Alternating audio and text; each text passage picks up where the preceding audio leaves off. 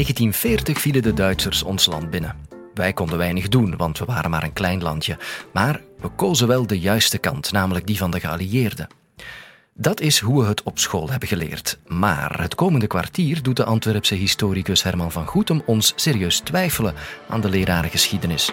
Hoorden de Belgen tijdens de Tweede Wereldoorlog wel echt bij de geallieerden? Dit is de Universiteit van Vlaanderen.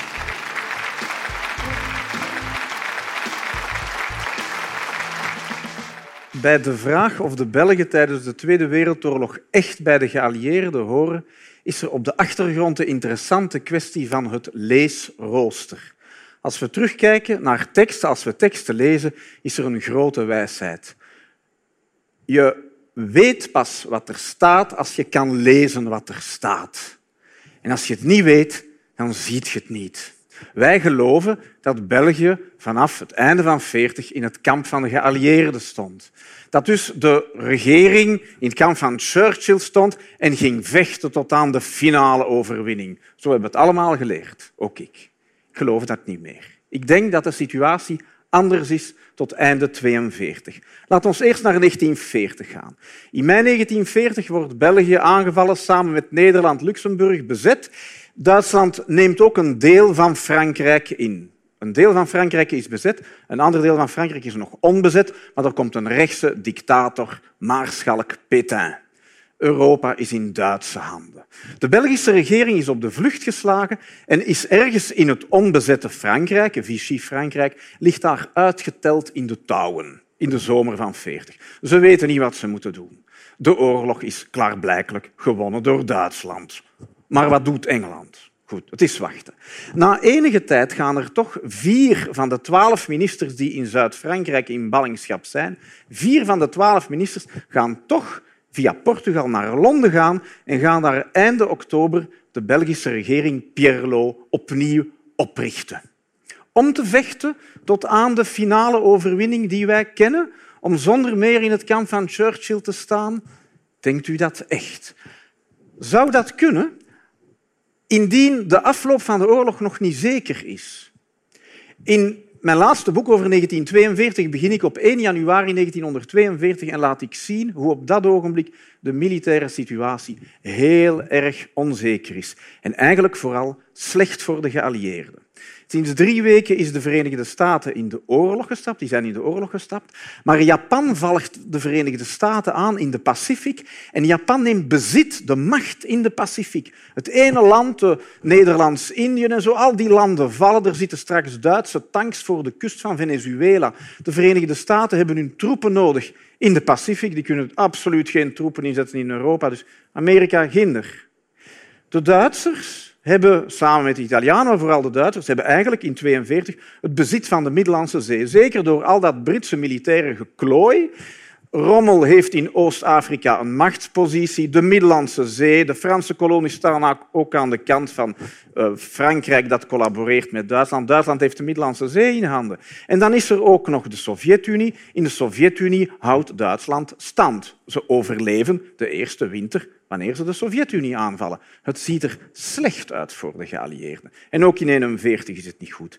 Gaat je dan denken dat je Duitsland helemaal verslagen gaat? Maar natuurlijk niet. En waaraan denkt men dan? Aan een woord dat vandaag niet meer bestaat. De compromisvrede. Men dacht, velen dachten, het is een reële mogelijkheid dat op een bepaald moment er gaat worden onderhandeld de compromisvrede. En dat de oorlog door onderhandelingen gaat stoppen, anders dan wat wij weten, de totale Duitse nederlaag. Compromisvrede is dat, wat moeten we ons daarbij voorstellen? Bijvoorbeeld een putsch in Duitsland, een staatsgreep waarbij het Duitse leger de macht grijpt, Hitler wordt opzij geschoven en het Duitse leger vraagt onderhandelingen aan. Of misschien nog reëler, de Sovjet-Unie die Duitse soldaten straks aan Moskou hebben. Stalin nodigt de Duitsers uit voor vredesgesprekken bij hem en hij nodigt ook vriendelijk Groot-Brittannië en de Verenigde Staten uit. Gaan de Britten en de Amerikanen weigeren om dan in gesprek te gaan? Men denkt dus aan een onderhandelde vrede.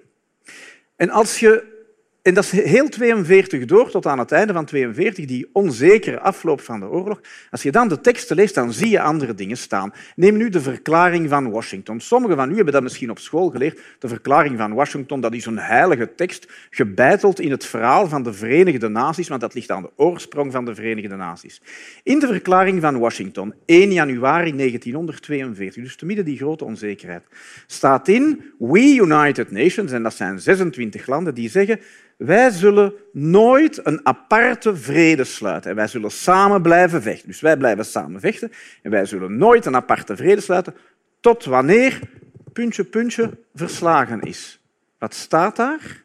Tot wanneer het Hitlerisme verslagen is. Daar staat niet tot wanneer Duitsland verslagen is. En als je gaat kijken in de voorbereiding van de verklaring van Washington, dan zie je dat in de dagen voordien, daar gaat het om. De Poolse gezant in Washington zegt, het is nu in Duitsland heel onstabiel, we moeten een sterke verklaring hebben. Eigenlijk is de verklaring van Washington, die wij lezen als het begin van de Verenigde Naties, wat wel juist is, maar die tekst bevat ook iets anders, met name een oproep aan Duitsland om orde op zaken te stellen en om dan naar de onderhandelingstafel te komen, en daar zullen die 26 landen als United Nations met hen in onderhandelingen gaan. Dat is wel wat anders.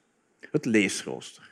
En als we dan gaan kijken naar de Belgische regering in Londen, de regering Pierlo, van in het begin, in het kamp van Churchill, weg tot aan de eindoverwinning, dat, is, dat slaat op heel weinig. Het is wel zo dat de Belgische regering Pierlo eigenlijk tot in 42, tot en met 42, twee ijzers in het vuur houdt. Zij, houden, zij zouden wel graag hebben dat Duitsland totaal verslagen wordt. Ja, dat is zeker zo. Maar ze houden rekening met de mogelijkheid van een onderhandelde vrede.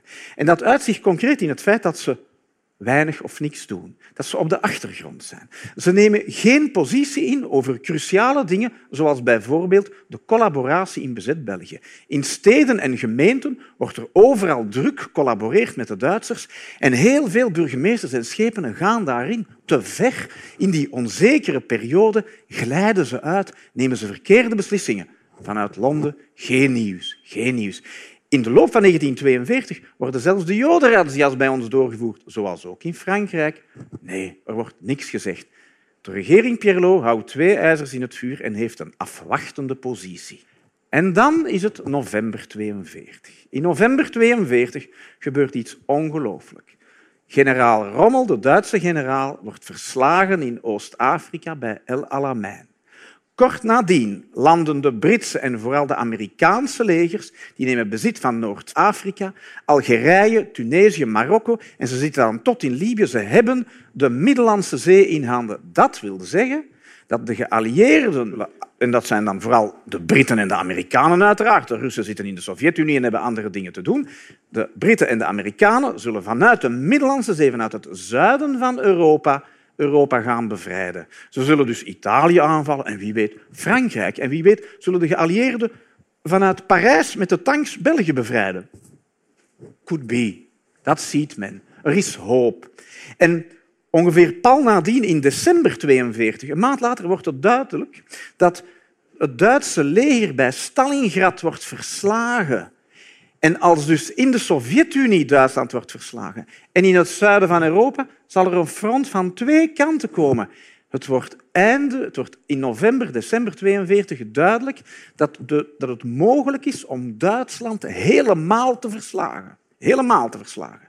En van dan af verdwijnt de optie van een compromisvrede. En dat zie je op heel veel fronten. Ik kijk vooral naar bezet België en naar de regering in Londen. In bezet België keert het ineens. In Antwerpen, waar de jodenrazzia's mee werden georganiseerd door de stedelijke overheden, dezelfde overheden zullen het voortouw nemen in het verzet tegen de Duitsers. November 42.